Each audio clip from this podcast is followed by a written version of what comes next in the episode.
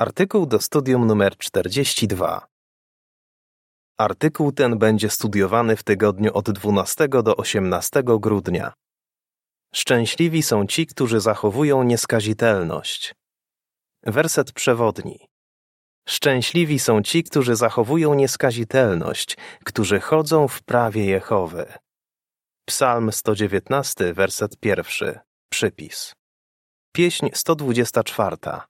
Chcę być lojalny. W skrócie.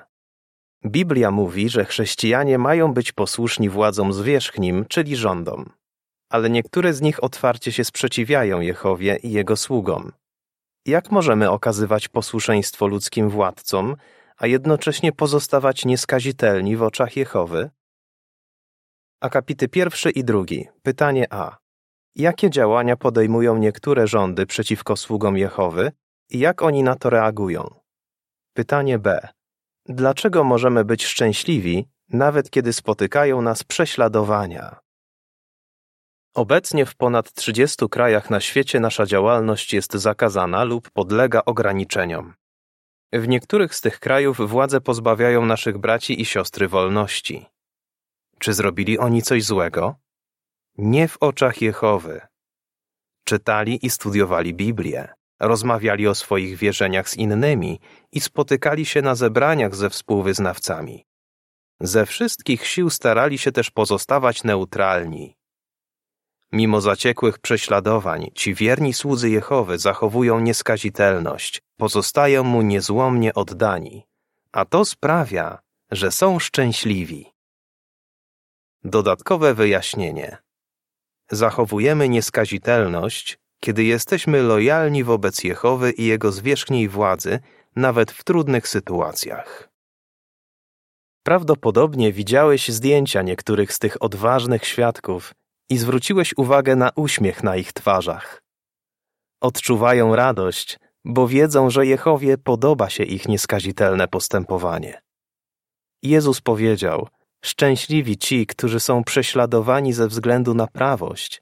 Cieszcie się i tryskajcie radością, bo wielka jest wasza nagroda. Mateusza 5, 10 i 12. Podpis do ilustracji na stronie tytułowej. Grupa naszych odważnych braci i sióstr, którzy byli albo obecnie są więzieni za to, że lojalnie popierają władzę Jehowy. Przykład dla nas. Akapit trzeci. Pytanie. Jak apostołowie zareagowali na prześladowania i dlaczego? Naszych braci i siostry spotyka to samo, co w pierwszym wieku apostołów, którzy byli prześladowani za głoszenie o Jezusie. Sędziowie Najwyższego Sądu Żydowskiego wielokrotnie zakazywali im przemawiać z powoływaniem się na imię Jezusa. Dzieje 4:18. Jaka była reakcja apostołów? W dziejach 4:19 i 20 czytamy: Piotr i Jan odpowiedzieli: Co jest słuszne w oczach Bożych? Słuchać was czy Boga? Ocencie sami. My jednak nie możemy przestać mówić o tym, co widzieliśmy i słyszeliśmy. Apostołowie wiedzieli, że ktoś ważniejszy nakazał im głosić ludowi i dawać dokładne świadectwo o Chrystusie. Dzieje 10:42.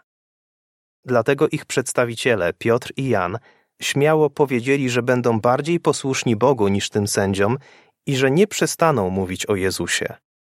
Niejako zadali im pytanie: Czy ośmielacie się twierdzić, że wasze nakazy są ważniejsze od nakazów Boga? Akapit czwarty. Pytanie. Jaki przykład apostołowie dali wszystkim prawdziwym chrześcijanom zgodnie z dziejami 5:27 do 29 i jak możemy ich naśladować? Apostołowie dali piękny przykład wszystkim prawdziwym chrześcijanom. Byli posłuszni Bogu, a nie ludziom. W dziejach 5:27 do 29 czytamy: Gdy ich przyprowadzili i postawili przed Sanhedrynem, arcykapłan zaczął ich przesłuchiwać. Powiedział: Surowo wam zakazaliśmy nauczać w tym imieniu. A wy co robicie? Nauczacie w całej Jerozolimie i chcecie, żeby spadła na nas krew tego człowieka. Piotr i inni apostołowie odpowiedzieli: Przede wszystkim musimy być posłuszni Bogu, a nie ludziom. Za tę lojalność wobec Jehowy apostołowie zostali wychłostani, ale odeszli sprzed sądu ciesząc się, że okazali się godni znosić zniewagi ze względu na imię Jezusa i dalej nieustannie głosili. Dzieje 5:41. Akapit 5. Pytanie. Na jakie pytania musimy poszukać odpowiedzi? Postawa apostołów może nasuwać pewne pytania. Na przykład, jak pogodzić ich decyzję, że będą słuchać Boga, a nie ludzi, z biblijnym nakazem, niech każdy będzie podporządkowany władzom zwierzchnim. Rzymian 13:1. Jak my możemy stosować się do słów apostoła Pawła i być posłuszni rządom i władzom, a jednocześnie pozostawać lojalni wobec najwyższego władcy Jehowy? Tytusa 3:1. Władze zwierzchnie. Akapit 6. Pytanie A. Do kogo odnosi się określenie władze zwierzchnie wspomniane w Rzymian 13.1 i jakie mamy względem nich obowiązki? Pytanie B. Co można powiedzieć o wszystkich ludzkich władcach? W liście do Rzymian 13.1 czytamy Niech każdy będzie podporządkowany władzom zwierzchnim, bo wszelka władza jest od Boga i to właśnie za Jego zgodą istniejące władze zajmują swoje względne pozycje. Użyte w tym wersecie określenie władze zwierzchnie odnosi się do ludzkich władców. Chrześcijanie powinni być im podporządkowani. Władze te dbają o porządek publiczny, egzekwują prawo, a czasem nawet stają w obronie sług Jehowy. Dlatego powinniśmy płacić im podatki, czuć przed nimi respekt i okazywać im szacunek, którego wymagają. Jednak te władze zajmują swoją pozycję tylko dlatego, że pozwala na to Jehowa. Jasno wskazał na to Jezus, kiedy przesłuchiwał go rzymski namiestnik Poncjusz Piłat. Gdy Piłat wspomniał, że ma władzę oszczędzić Jezusa albo go stracić, Jezus powiedział: Nie miałbyś nade mną żadnej władzy, gdyby ci jej nie dano z góry. Jana 19:11. Tak jak było w wypadku Piłata, władza wszystkich dzisiejszych polityków i rządzących jest ograniczona. Akapit siódmy. Pytanie. Kiedy nie możemy być posłuszni ludzkim władcom i czego oni powinni być świadomi? Chrześcijanie podporządkowują się ludzkim rządom, jeśli prawa świeckie nie są sprzeczne z prawami Boga. Kiedy jednak władze zakazują czegoś, czego Bóg wymaga, lub żądają czegoś, czego On zabrania, nie będziemy im posłuszni. Na przykład czasem wymagają, żeby młodzi mężczyźni wstąpili do wojska i walczyli za ojczyznę. Albo zakazują używania naszego przekładu Biblii, opartych na Biblii publikacji, głoszenia i spotykania się, żeby wspólnie wielbić Boga. Jeśli rządzący nadużywają swojej władzy, na przykład prześladują naśladowców Chrystusa, odpowiedzą za to przed Bogiem. Jehowa się temu uważnie przygląda. W przypisie czytamy: Zobacz artykuł Starożytni Izraelici prowadzili wojny, dlaczego my tego nie robimy? Zamieszczony w tym wydaniu. Koniec przypisu. Akapit ósmy. Pytanie. Jaką władzę sprawują ludzie, a jaką Jehowa i dlaczego ma to znaczenie? Rządy sprawują władzę zwierzchnią, ale nie władzę najwyższą, bo taką władzą dysponuje jedynie Jehowa. W Biblii wielokrotnie został on nazwany najwyższym. Najwyższy. Akapit dziewiąty. Pytanie. Co prorok Daniel zobaczył w wizjach? Prorok Daniel dostał wizje, które wyraźnie pokazywały, że Jehowa swoją władzą zdecydowanie przewyższa wszelkich innych władców. Najpierw Daniel zobaczył cztery potężne bestie, które symbolizują dawne i obecne potęgi światowe: Babilon, Medopersję, Grecję, Cesarstwo Rzymskie i jego współczesną odrośl angloamerykańskie mocarstwo światowe. Potem Daniel zobaczył Jehowę Boga siedzącego na sędziowskim tronie w niebie. To, co ten wierny prorok ujrzał później, powinno stanowić ostrzeżenie dla obecnych władców. Akapit 10. Pytanie. Komu Jehowa przekaże władzę nad ziemią zgodnie z Daniela 7, 13, 14 i 27 i co nam to o nim mówi? W księdze Daniela 7, 13, 14 i 27 czytamy Potem w wizjach nocnych ujrzałem, jak z obłokami niebios nadchodzi ktoś podobny do Syna Człowieczego. Pozwolono mu zbliżyć się do istniejącego od dni pradawnych i przyprowadzono go tuż przed niego. I dano mu władzę, chwałę oraz królestwo, aby służyły mu wszystkie ludy, narody i grupy językowe. Jego panowanie będzie trwać wiecznie, nigdy nie przeminie, a jego królestwo nie zostanie zniszczone. A królestwo, władzę i wspaniałość królestw pod całym niebem otrzyma lud świętych Najwyższego.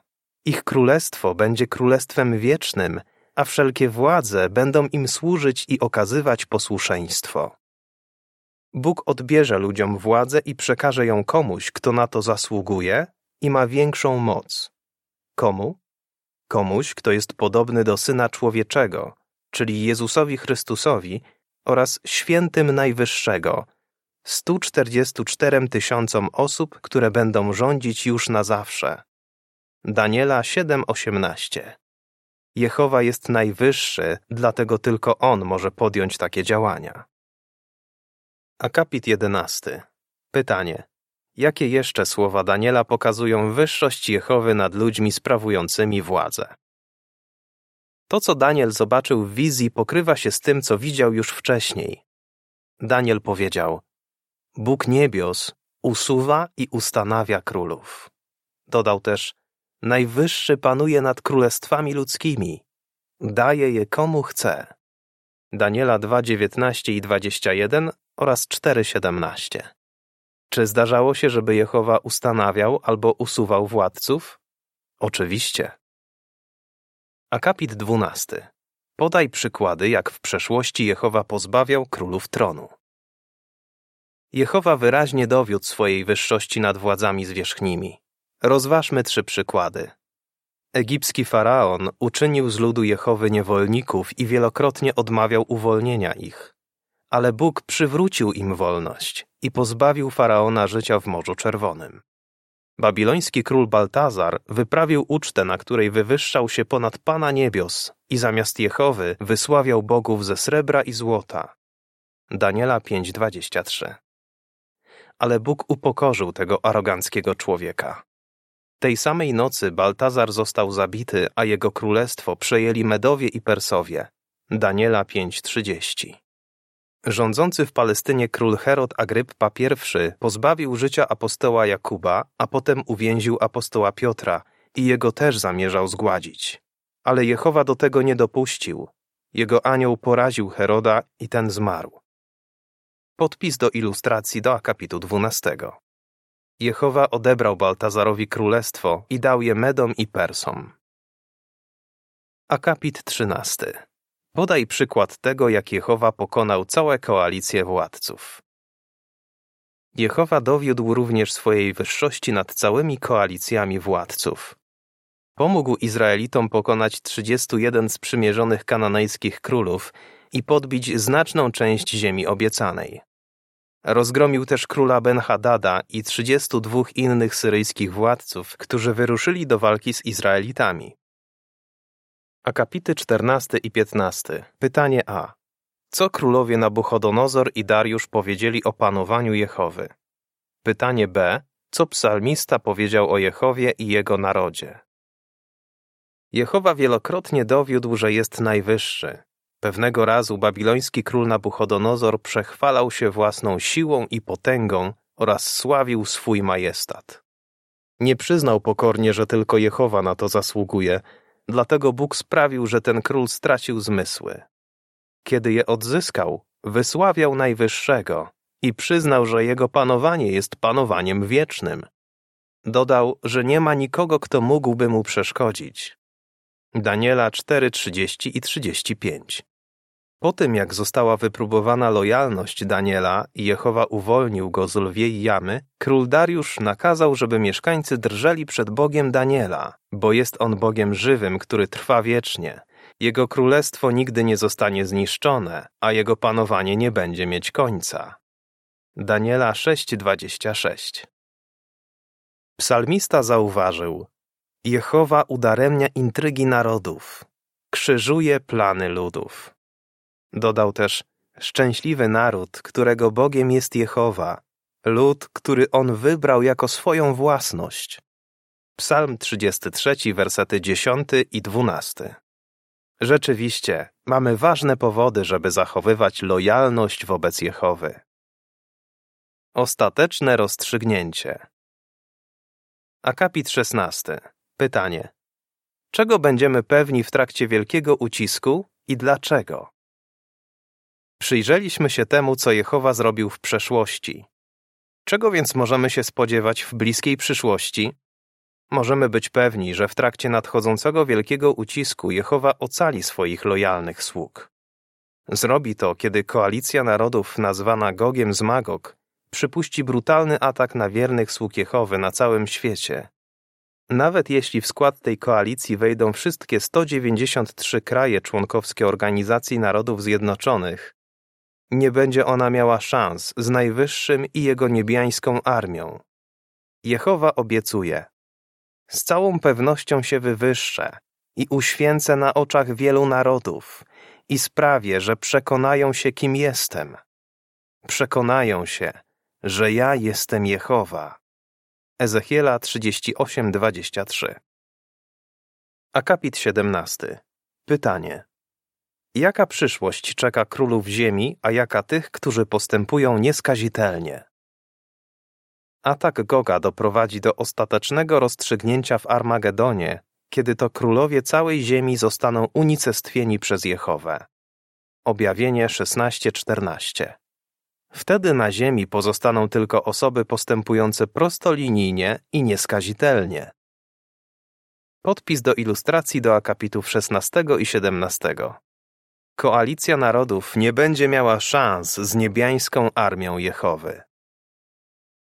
Musimy zachowywać nieskazitelność. Akapit 18. Pytanie. Na co są gotowi prawdziwi chrześcijanie i dlaczego? Na przestrzeni dziejów wielu prawdziwych chrześcijan ryzykowało swoją wolność, a nawet życie, ponieważ kochało Jehowę, władcę wszechświata. Również obecnie takie osoby są zdecydowane dochować wierności Jehowie, podobnie jak trzej Hebrajczycy, których on uratował z ognistego pieca. W księdze Daniela 3:28 czytamy: Wtedy Nabuchodonozor oświadczył: Chwała niech będzie Bogu Szadracha, Meszacha i Abednega, bo posłał anioła i wyratował swoich sług. Zaufali mu i sprzeciwili się rozkazowi króla. Byli gotowi raczej umrzeć, niż służyć lub oddawać cześć jakiemukolwiek innemu Bogu, oprócz swojego Boga. Akapit 19. Pytanie. Na jakiej podstawie Jehowa będzie osądzał swoich sług i co to dla nas oznacza obecnie? Psalmista Dawid tak napisał o tym, jak ważne jest zachowywanie nieskazitelności. Jehowa wyda na ludy wyrok. Osądź mnie, Jehowo, według mojej prawości i według mojej nieskazitelności. Psalm siódmy, werset ósmy. Dodał też, niech mnie strzeże nieskazitelność i prawość. Psalm 25, werset 21. Najlepszą drogą życiową jest pozostawanie wiernym wobec Jehowy i zachowywanie nieskazitelności bez względu na to, co się stanie. Wtedy poczujemy to samo, co psalmista, który napisał: Szczęśliwi są ci, którzy zachowują nieskazitelność, którzy chodzą w prawie Jehowy. Psalm 119, werset pierwszy, przypis. Czy umiesz wyjaśnić, Jaki wzór do naśladowania pozostawili nam apostołowie? Od czego zależy to, czy powinniśmy okazać posłuszeństwo władzom zwierzchnim? Jak Jehowa dowiódł, że jest najwyższy? Pieśń 122. Bądźmy niezłomni, niewzruszeni. Koniec artykułu.